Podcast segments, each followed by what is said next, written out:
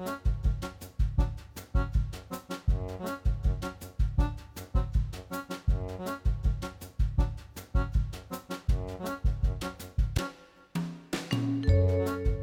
og sæl og velkomin í mannega þáttinn.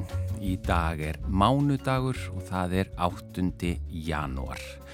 Fyrir norðan í hljóðveri Rúf situr uh, Gíja Holmgistóttir, kontu sæl og blöss. Þú myndir smástund ekki hvað ég hétti. Já, uh, jú, jú, ég myndi það nú. jú, jú, en hérna, það eru svellbungar fyrir norðan, ekki satt? Svo sannarlega, það er sko hálka fyrir allan peningin og hún er nú ekki mest á göttónum heldur er hálkan og þessi svellbunkar, þeir eru aðalega á gangstjættunum. Þar sem, sem er skeinuhætt. Ekki mjög. Þannig að já, þau sem eru að ferja núna hérna á Akureyri og öruglega víðar hérna á Norrlandi út af því að það er búið að vera svo mikill snjór og frost. Mm -hmm. Svo kom allt í hennu þessi, um, þessi bara þýða í gær eh, og þannig að þessi sveltbunkar eru núna orðnir, eða sem sagt snjórin eh, sem að hérna er orðin að þessum klakabunkum og Já. það var ofuboslega erfitt um að fara um bæin í morgun. Ég held að mig kalla þetta asalágu, ég, ég held ég sé að segja rétt frá. Já, ymmit. Það er gott að þú notaðir það hérna orð út af því ég hugsaði ætli þetta hafi verið aðsalháka eða ekki en þú segir það og þá ég, bara já, er það anskot. Ég held það. En uh, hvað, þú ert með gest fyrir Norðan? Já, við ætlum að byrja þáttin á að huga aðgengismálum og uh, það er hún Sigrún Marja Óskarstóttir, aðkurreiningur sem kemur hérna í spjall til okkar og hún Sigrún Marja, hún notar hjólastól og hún lendi í óskemtilegri reynslu núna melli jóla og nýjárs þegar hún ákvaði að skella sér í bíó. Og þegar þangað var komið þá var hjóla stólaliftan í bíónu, hún var byluð og þá tóku við Ímis konar vandræði. Og hún Sigrun Marja, hún segi betur frá þessari upplifun sinni hér á eftir og hún ætla bara líka að ræða almennt um hjóla stóla aðgengi. Já, eh, við fáum vingil frá Guðjani Helga Ólafsson í dag og undir vinglinum í þetta skipti lenda nokkrar jólabækur, líka ævintýri frá Finnlandi auk þess sem að umsjónamaður stendur sig að því að vera örlíti farin að hlakka til þess að komast á þorrablót. Hann verður að viðukenna það. Svo lesandi vikunar í þetta sinn er Solveig og auðar högstóttir hjúgrunafræðingur. Við ætlum að fá auðvitað bara að vita hvaða bækur hún hefur verið að lesa undanfarið og hvaða bækur og höfundar hafa haft svona mest áhrif á hana í gegnum tíðina. Já, en fyrsta lag þáttarins... Uh Það er hún unna Torfadóttir með lag eftir siglag og texta sem heitir einfellega í Laungu máli.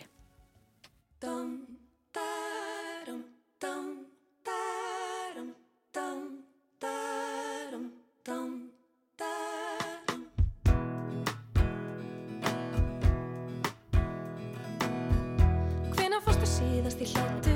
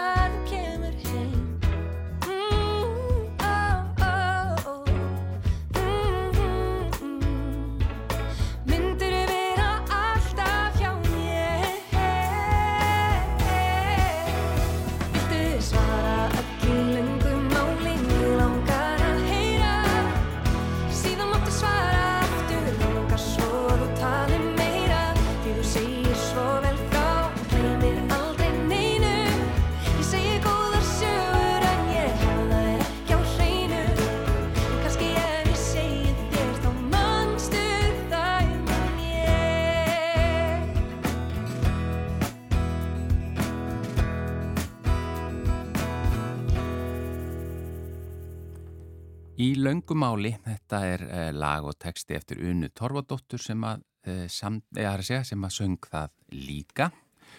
Og Gíja, Sigrun Marja komin til þín eða ekki? Jú, svo sannlega, hún Sigrun Marja Óskarstóttir er komin hérna í hljóðverð okkar á Akureyri. Við ætlum nefnilega að spjalla um aðgengismál. Uh, Vertu hjertanlega velkomin til okkar, Sigrun. Takk fyrir það. Þú skrifaðir pistil á Facebook, þína Facebook síðu, þar sem þú fjallaður um leiðilegt atvik sem að var þegar þú ákvæmst að fara í bíó með bróðinum á milli mm. jóla og nýjárs.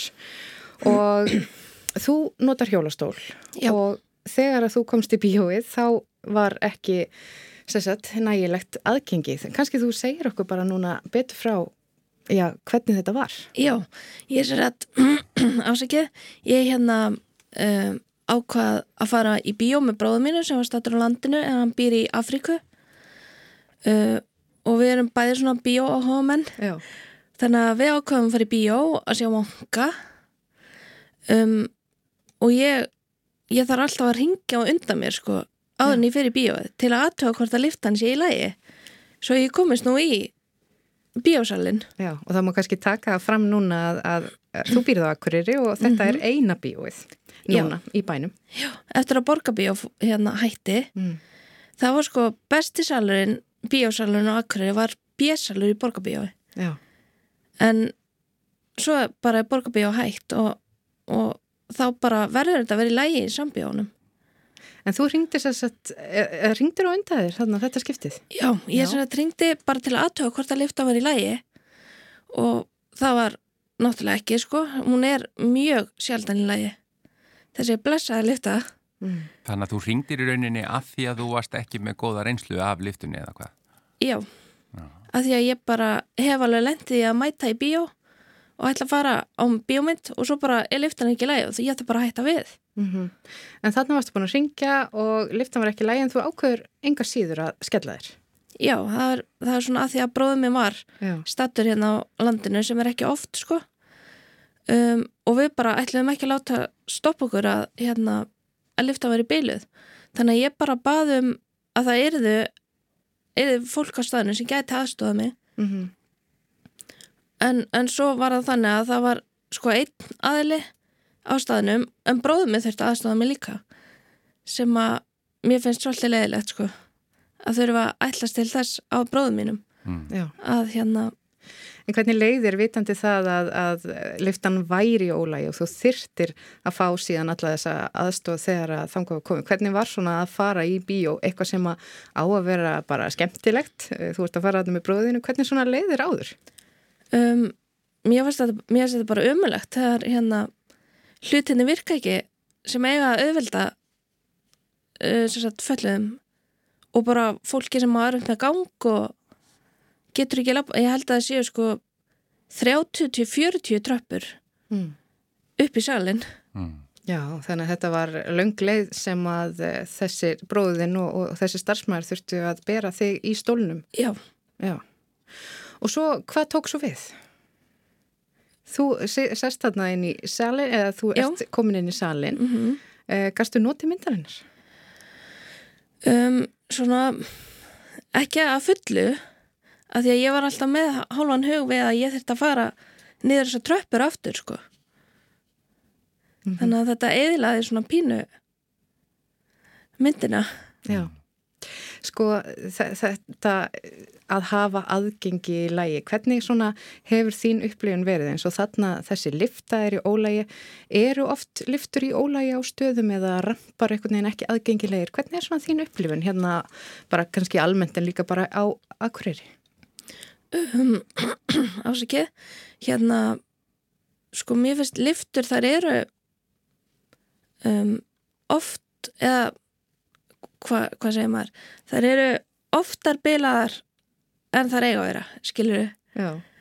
þar eiga bara að virka en mér finnst þar oft vera bilaðar og eins með rampa sko nú er þetta verkefni búið að vera í gangi Já, römpum upp Ísland. Já, Mhm. sem bara algjörlega frábært en um, með aðra rampa sem er svona lengri kannski Mm. innan hús stundum eru þeir bara að nota þessi geimsla sko eins og hérna rampurinn hjá uh, bryggjunni sem er veitingahús hérna í bænum Ég hef alveg hérna orðið veintna því að hann sé bara notaði sem geimsla eða jafnvel bara, þú veist um, að þegar verið að móka snjó þá er hún bara mókað á Já, rampin.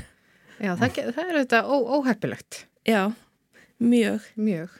Um, og talandi um sko, uh, sko hjólastóla aðgengi uh, og þú talar um rampa, rampum upp Íslandverkefnið og þú varst einmitt svo sem að uh, viðir 500. rampin Já. sem að var einmitt settur upp hérna á Akureyri, mm 500. rampurinn í þessu verkefni. Finnst þér þetta hafa breytt miklu? Finnur um munin? Já, ég finn náttúrulega e, sko að við hérna komumst meira og mér finnst bara eiginlega að við séum velkomnari á staði sem að eru með rampa af því að þá bara, þú veist, förum við bara inn og ekkert mál Mm Og þú talar um svona mismunandi rampa. Það eru þessir löngu, löngu rampar sem maður sér stundum. Mm en, en ramparnir í þessu rampum upp Íslandverkefni eru þeir eitthvað neginn ólíkari eða? um, sko mér finnst þeir vera þetta er aðalega sko allavega sem ég hef séð þá er þetta sagt rampar til að komast inn í hús og þá eru þeir aðeins stittri Já, allavega þeir sem ég hef séð hérna á Akureyri akkurat. Um, sko, hvernig finnst þið þróunin hafa verið? Hafa orðið breytinga til batnaðar uh, varðandi hjólastóla aðgengi uh, eða er bara stöðnun? Hvernig, hvernig er svona þín upplifun? Um, mér finnst náttúrulega frábært þetta verkefni Römpum í Ísland sem hann halliði með. Um, og mér finnst það hafa svona vakið aðtekli á því að þú veist, það eiga allir að komast þ- þangað sem þeir vilja fara.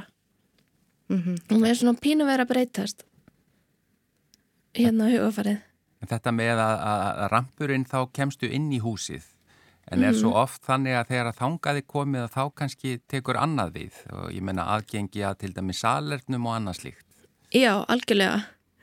Það er nefnilega ekki nóg að rampa upp sko, það verður að vera líka eins og þú segir aðgengi að salernum og, og eins bara aðgengi til að komast um að það sé ekki stólar út um allt og, og borðin þétt saman og allt svoleiðis Mm Þannig að það, er ákveðin vitundavakning í gangi í kjölfarið af, af þessu til dæmis verkefni Römpum upp Ísland. En svo skinnja maður líka kannski ákveðið hugsunarleysi eins og ég las það í bíólýsingunni þinni að, að, að það hefur verið svona gangur sem þú hefur þurft að komast um mm og þar hefur verið staðsettar ruslatunnur og ímislegt og þú talar um að það er móka snjó á rampana sem að Já. leiða upp á húsum. Þannig að e, þetta, þetta lýsir mögulega ákveðinu hugsunarleysi Algjörlega. Það er bara, ég held að fólk hugsi stundum ekki alveg út í sko kannski það segir bara ok, við erum búin að setja liftu þá erum við aðgengi. Mm -hmm. en svo kannski er liftan bara notið sem gemsla, skilur Mm. en þau vilja samt fá hann að þau séu með aðgengi. En svo fylgja þau ekki eftir. Já, akkurat. Og það er engin úttektar aðili sem að fer á milli og passar upp á að, að liftur virki eða, eða neitt svoleiðis. um, nei, eða allavega ekki sem ég veit um Mm Í, í þinni fæslu þá, þá skoraður á Sambíón og svo var henni deilt mjög eh, víða og svo fór þetta í, fór þetta í fjölmiðla og hingaði núna í dag. En Já. haf, hefur fengið viðbröð frá Sambíónum? nei, ég hef ekkert heyrt frá þeim Já. þannig að já ég er bara að vona að þau láta heyri sér. Já, en, en svona, uh, sko, frá öðrum sem að nota hjólastóla hér á Akureyri, þeir kannski deila þessari reynsluðinni og líka bara, þetta á ekki endilega bara við um fólk sem nota hjólastóla heldur, einnig þá sem eiga bara erfitt með gang. akkurat. Uh, hefur fengið viðpröð uh, frá þessu fólki? um, þeim sem eru kannski ekki endilega í hjólastól. Já, bara þeim sem að, að já, upplifa að þetta eigi einhvern veginn þessi reynsla þín, að, að það eigi við þau sjálf líka. já, ég hérna ég til dæmis þekki eina konu sem er í hjólastól hérna og hún uh, þurfti, eða fór einu sinni í bíó og það þurfti að bera hana upp stegan en svo þegar myndið var búin þá var bara sá aðlið sem hjálpaði henni upp stegan, hann var bara farin heim Mm. Þannig að hún þurfti að byggja einhverja stelpu sem var bara í bíónu að aðstofa sig niður og það endaði með því að hún bara rúlaði restin af stíðanum niður að því að stelpa misti tækið Já. á stólunum. Og þetta getur verið hættulegt. Þetta getur verið mjög hættulegt. Já. Þannig að mögulega veigrar fólk sér við bara að fara yfir höfuð á þessa staði. Já, algjörlega. Svo he, hérna hef ég líka heyrt sögu af ungum dreng, sko, Mm. bara badni sem ætlaði að fara í bíó að sjá mynd og hann er í hjólastól en lifta á bílu þannig að þau bara urða að hætta við sem er kannski leðilegt eins og fyrir badn sem kannski skilur ekki Já. akkur að hann má ekki fara í bíó Já. Akkurat. Þannig að við þurfum að vera meðvitari, bara allir í samfélaginu um að aðgengismál þurfa að vera betri og það þarf ekki bara að tekka í boks, heldur þarf líka að, að hlutinni þurfa að virka. Já, akkurat, Mm algjörlega Takk fyrir komuna hingaði mannlega þáttinn. Takk fyrir Eh, að fá mig Sigrún Marja Óskarsdóttir og gangið vel og vonandi já, bre- breytist eitthvað til batnaðar. Takk fyrir Takk fyrir.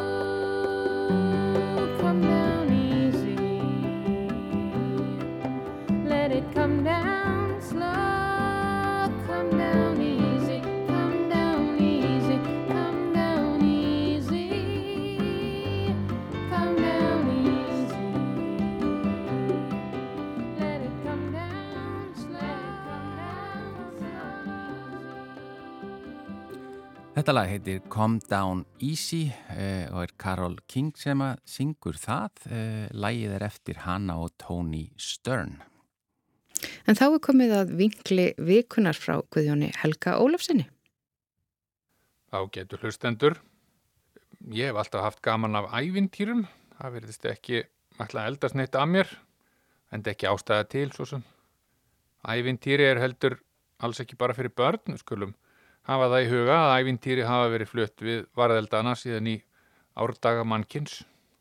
Öll höfum við lagt eirun við og flytjandinn er oftar en ekki einhver með reynslu úr daglega lífinu, sem sagt gamall. Og enn er verið að flytja ævintýri fyrir mannabörn og fullorna. Þó búið sé að skvetta úr vaskafatinu yfir varðeldana mestu, Við njótum ævintýrana í snjalltækjunum okkar helst í dag. Samiðinlega vitundin hefur þannig fundið sér farveg yfir örbylgjurnar og við sem notfærum okkur útvarfsdagskrána erum að sjálfsögðu ekki undanskilin. Nýju ævintýrin eru ekkert minna áhugaverð en þau gömlu. Við skulum samt hafa í huga að um smekk verður ekki deilt. Það er að segja, allir hafa rétt á sinni skoðun, varðandi hvaða ævintýri teljast skemmtileg og hver ekki. Nú erum við nýbúin að kasta rekunum yfir jólinn, mikil hefur varðandi ævintýri á þeim ártíma og sínistu þetta sitt hverjum. Einhverju vilja meina að þá þurfum við nú bara eitt ævintýri, en staðrendin er auðvitað svo að flestir vilja nú gera aðeins betur. Kíkja kannski á Die Hard kvikmyndirnar, Harry Potter, Home Alone og kannski Hobbitan og Ringadróttin sögu líka hef tími vinst til. Sum vilja lesa bækur um jólinn, flest eru hrifin af nýju bókunum og deila reynslu sögum hvert með öðru á meðan önnur vilja gamlar bækur sem þau hafa aldrei lesið og enn önnur vilja endur nýja kynni við bækur sem þau hafa áður lesið. Svo eru auðvitað þau sem hafa ekki fastmótaðar hefðir varðandi ævintýrum jól, hvort sem þau koma af skjám eða bókum, sjálfur er ég nú af þeim. Ég viðkenna hafa dottað aðeins yfir Harry Potter með dóttur minni á milli háttíðan og líka yfir hungurleikunum. En ég hef kíkt aðeins á nýjar bækur, en samt aðlega á gamlar. Og áskotnaðist nokkra slíkar bæði fyrir og eftir jól. Til dæmis gaukaði Byggi Blikkari að með bók sem heitir Maintenance and Repair Manual of Soviet Made Automobiles. Ég er ekki búin að lesa hana spjaldan á milli, enda laung.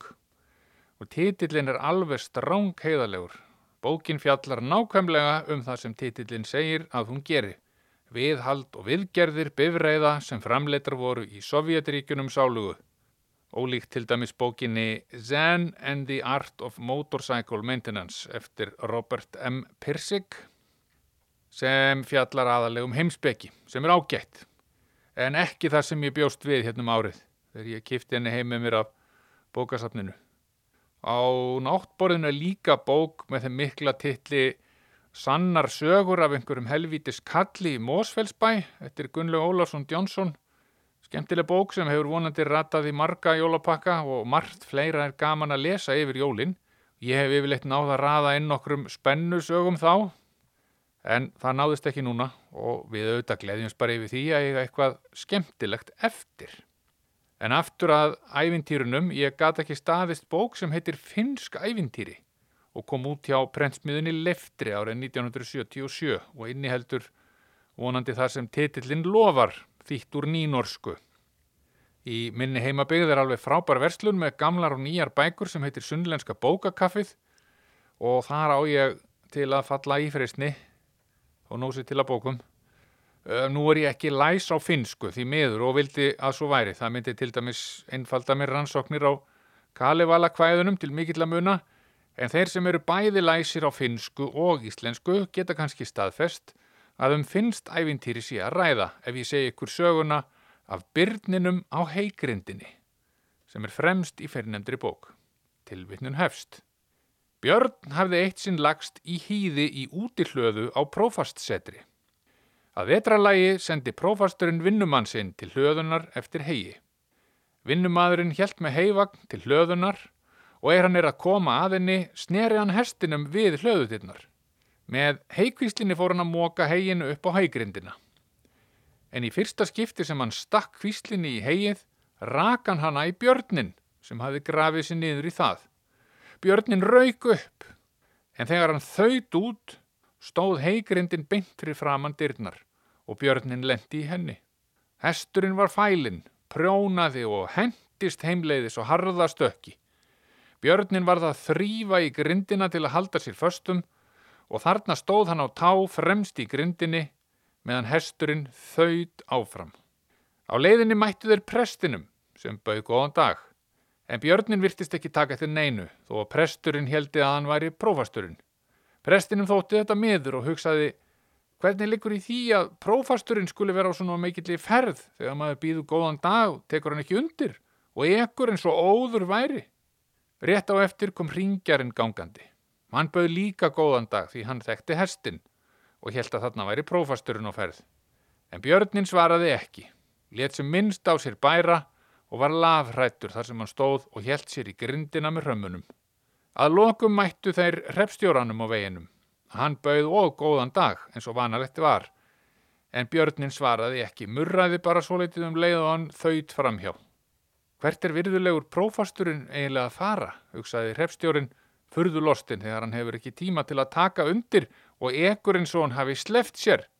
Prófasturinn var í stofu sinni þegar hann sá hestin renna inn í húsgarðin. Hann held að það væri landsöfðingin og furðaði sig á hvar vinnumadurinn hefði tekið hann upp. Prófasturinn þaut út til að taka móti gestinum. Hann neyði sig og bauð góðan dag. Björnin þóttist ekki einu sinni heyra og stóð þarna hálfvit stóla af hræðslu.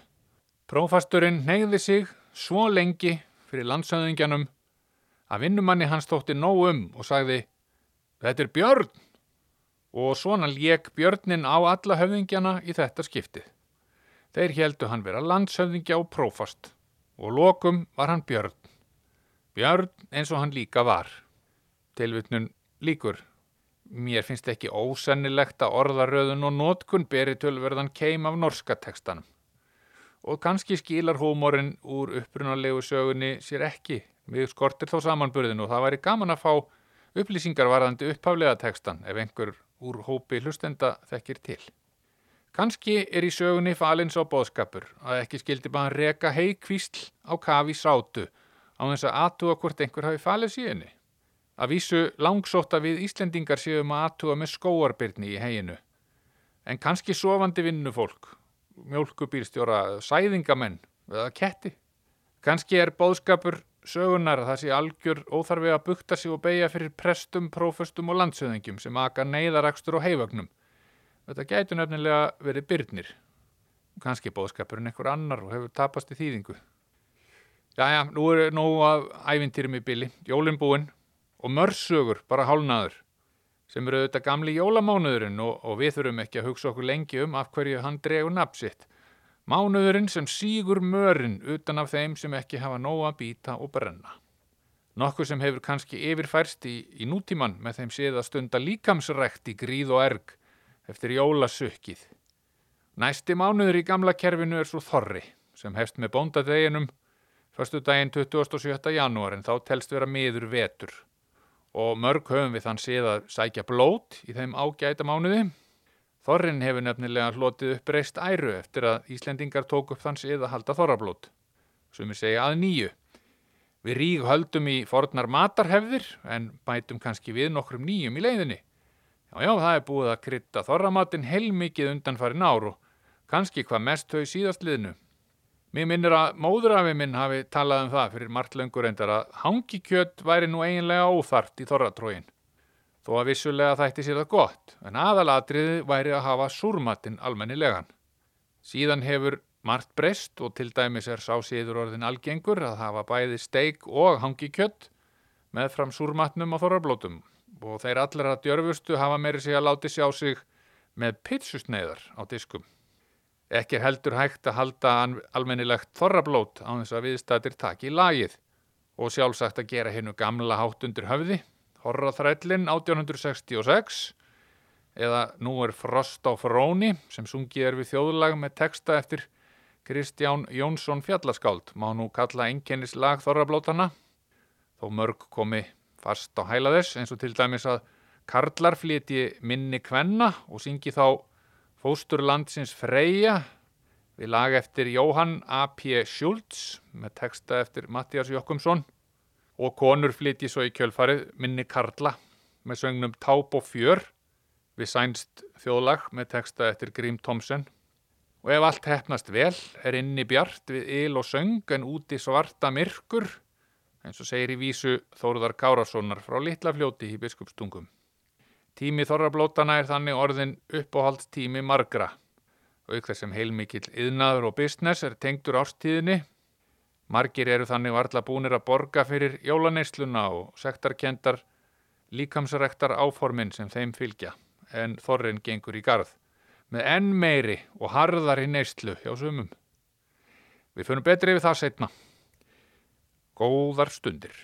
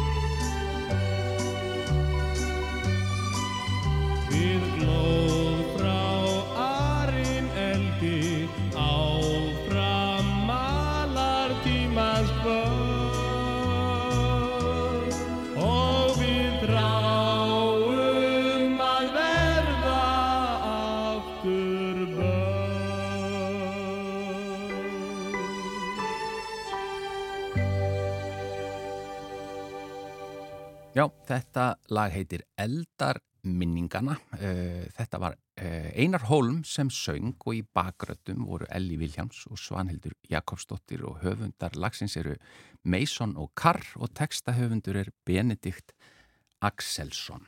En það er komið að lesandavíkunar og hún er hinga komin, Solveig Auðar Haugstóttir Hjúgrunafræðingur.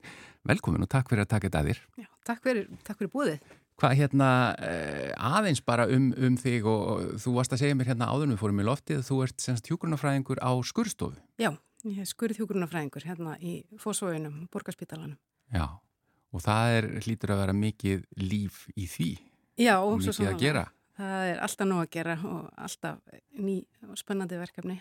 En fyr- fyrir bara þann sem ekki veit, hvað eru bara svona að jafnaði þá, að því þú vinnur þá aðalega við það, hvað er að jafnaði margar aðgerðir, er það á dag þá eða er ekki kannski aðgerðir alla daga eða? Jú, það eru aðgerðir alla daga og á virkum dögum þá eru við með uh, yfirleitt sjö skurstofur í gangi í, í Fósvóinum og annað eins á Ringbraut og jafnvel aðeins meira hjá þeim. Já, og hver skurstof tekur svona eina, tvær, þrjár, fjórar, fimm aðgerðir allt eftir eðli aðgerðana. já, Það er, já, miða með það sem maður heyrir með líka byggleistofan að það er greinilega nóg að gera. já, það er nóg að gera. En- Ég er til dæmis í morgun búin að taka eitt brot og svo fikk ég að skjótast á milli aðgerða til að koma og tala við þig. Já, takk fyrir, ég vona að ég sé ekki trubla. Nei, dildastjóri minn er svo gríðarlega áhuga kona um mannlega þáttinn, þannig að henni fannst lítið máli að reyna að losa mig til þess að ég geti komið hérna til þín. Ég byrða heilsinni. Já, en hérna, hvað eru margir að jafnaði, þar að segja eh, læknar og hjúkurnafræðingar e, og þá vantilega svæfingarlæknar og annars líkt, hvað eru margir e, í hverju svona aðgerð? Það eru, það er svona lámarkshópurinn er svæfingalæknir og svæfingahjúknarfræðingur, skurlæknir og tveir skurðhjúknarfræðingar og oftast er skurlæknir með aðstofa skurlæknir þannig að þetta er oftast svona um sex mann sem koma að hverju aðgerð.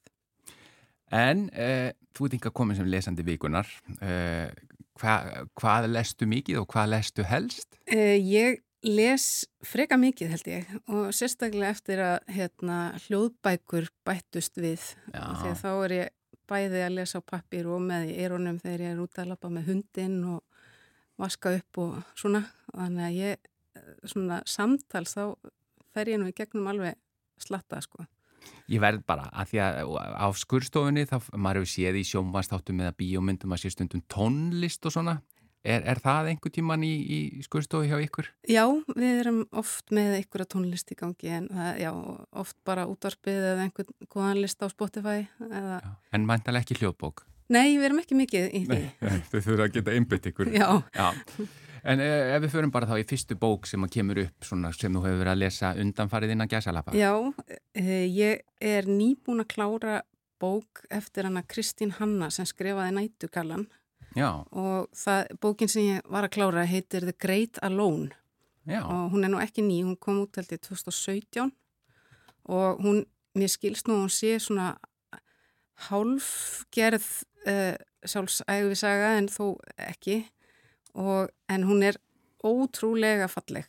Hún er hérna hún fjallar um fjölskyldu sem er hún svona svolítið, svolítið brotinn kannski sem fjölskyldu fæðurinn er hérna fyrrum hermaður úr Vietnamstríðinu og e, stríðsfangi og greinilega að takast á við mikla áfallastreitu og svona ímis önnur vandamál, áfengisvandamál og svona. þetta er semst bandarísk fjölskylda. Já, bandarísk fjölskylda sem að, e, og þau flytja frá Seattle þar sem hann er bara búin að eiginlega brenna allar brýra bakið þeim og til Alaska.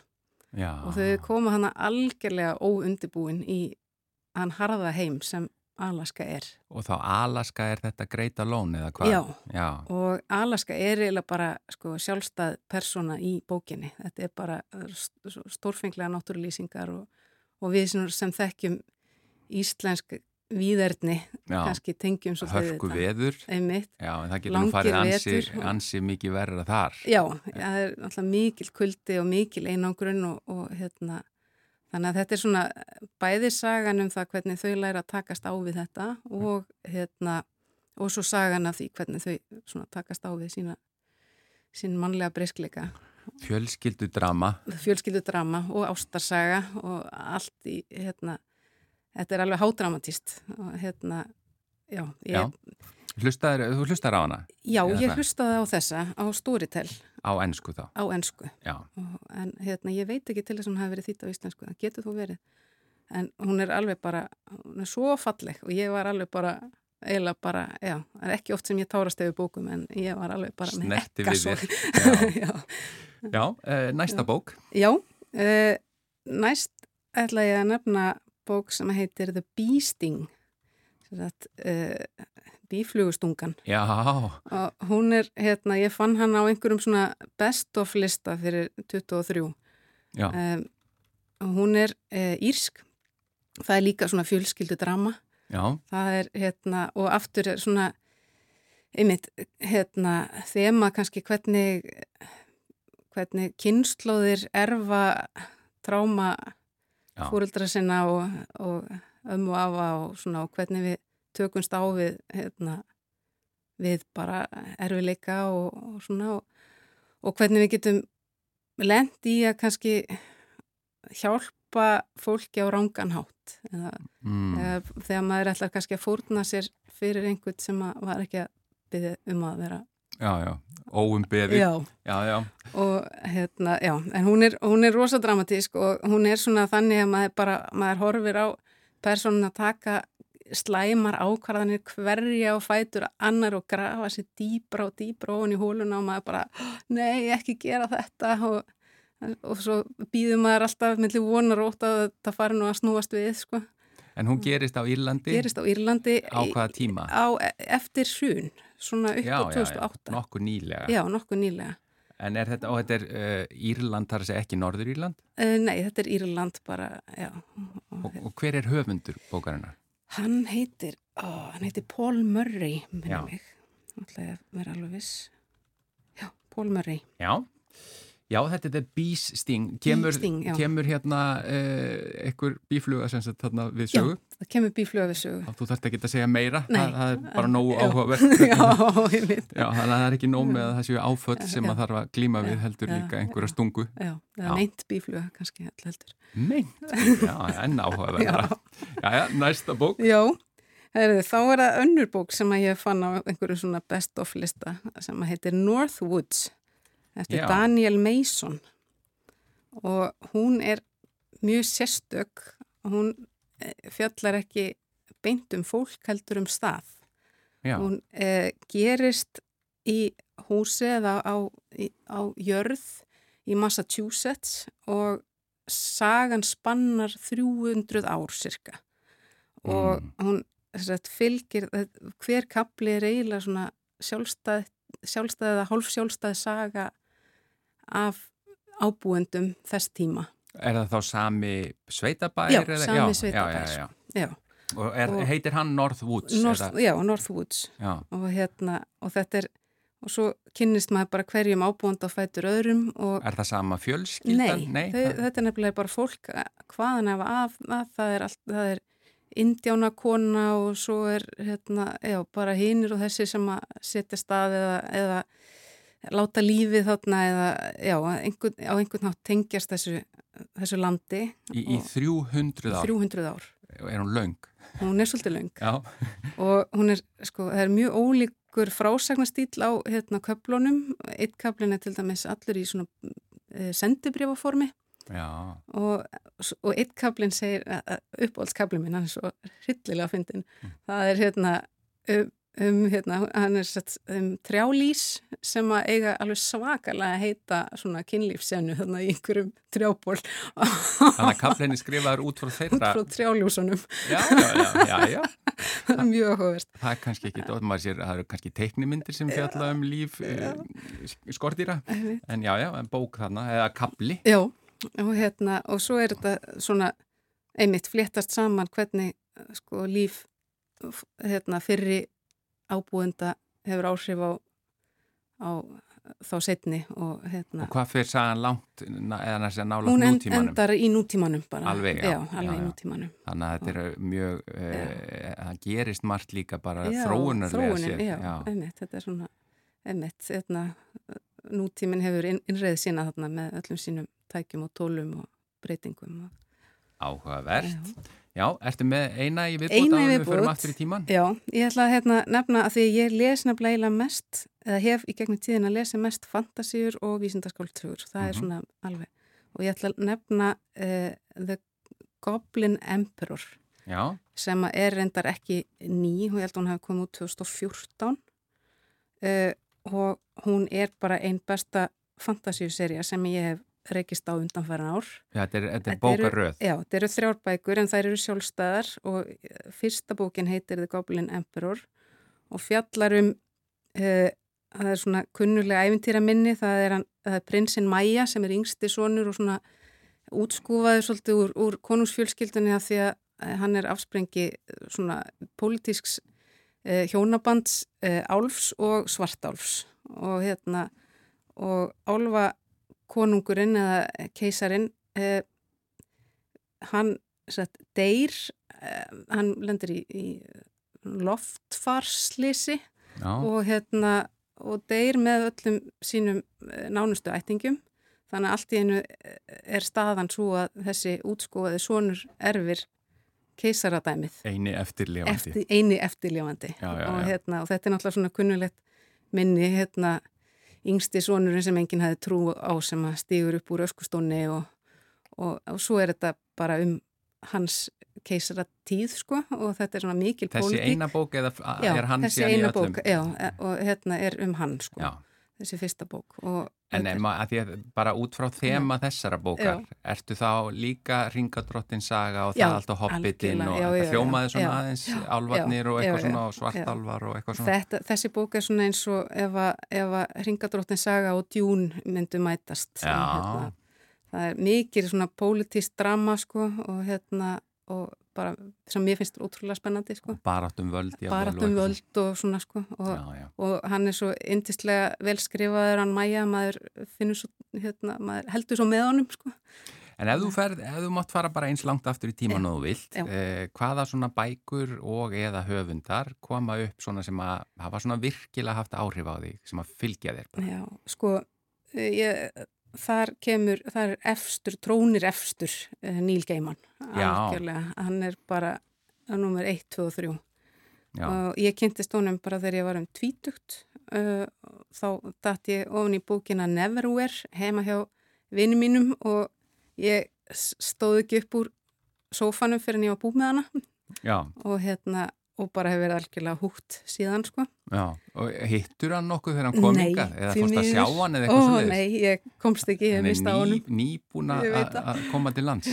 Þetta er, en ég fer alltaf að því hann er þekktu fyrir að, að hérna, árita bækurna sínar á flugvöllum. Alltaf þegar ég er að ferðast, Já, þá fer ég Neil Gaiman hilluna og fletti gegna þær og aðtöða hvort hann hafi áritað einhverja. já, og hefur Svona hitt á? lein, leini áritun. Nei, ég hef ekki hitt á Ekki það. ennþá.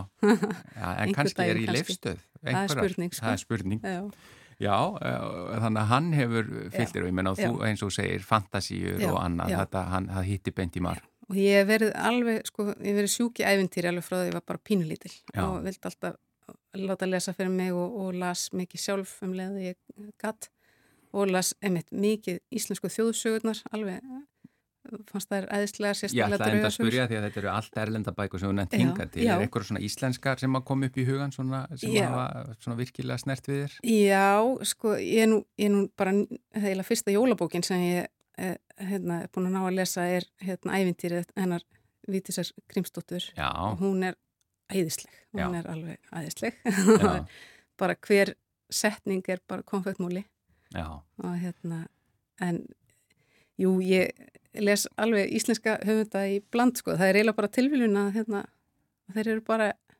erlendir þessir, Já. ég hef einhvern veginn dottið inn í þannig En Vigdís er nú, þó hún sé ekki hrein og klár fantasíuhöndu, þá er alltaf fantasía Það er í og alltaf- með. Já, Já. einmitt, það er svona, það er alltaf einhverju töfrar þannig Já. á sveimi. Heyrðu, þetta er bara, við látum þetta gott heita og ég verði að hleypa þér aftur niður í uh, skurstofu Já. uh, og, og þakka það aftur uh, yfir konuðinni og sendu henni kveðu mínar. Já. Solveig Auðar Haugstóttir, takk fyrir að vera lesandi vikunar í þetta sinn. Takk fyrir. Þá er þættinum bara lokið í dag. Við verðum hér auðvitað aftur á sama tíma á morgun þökkum innilega fyrir samfélgina. Verið sæl.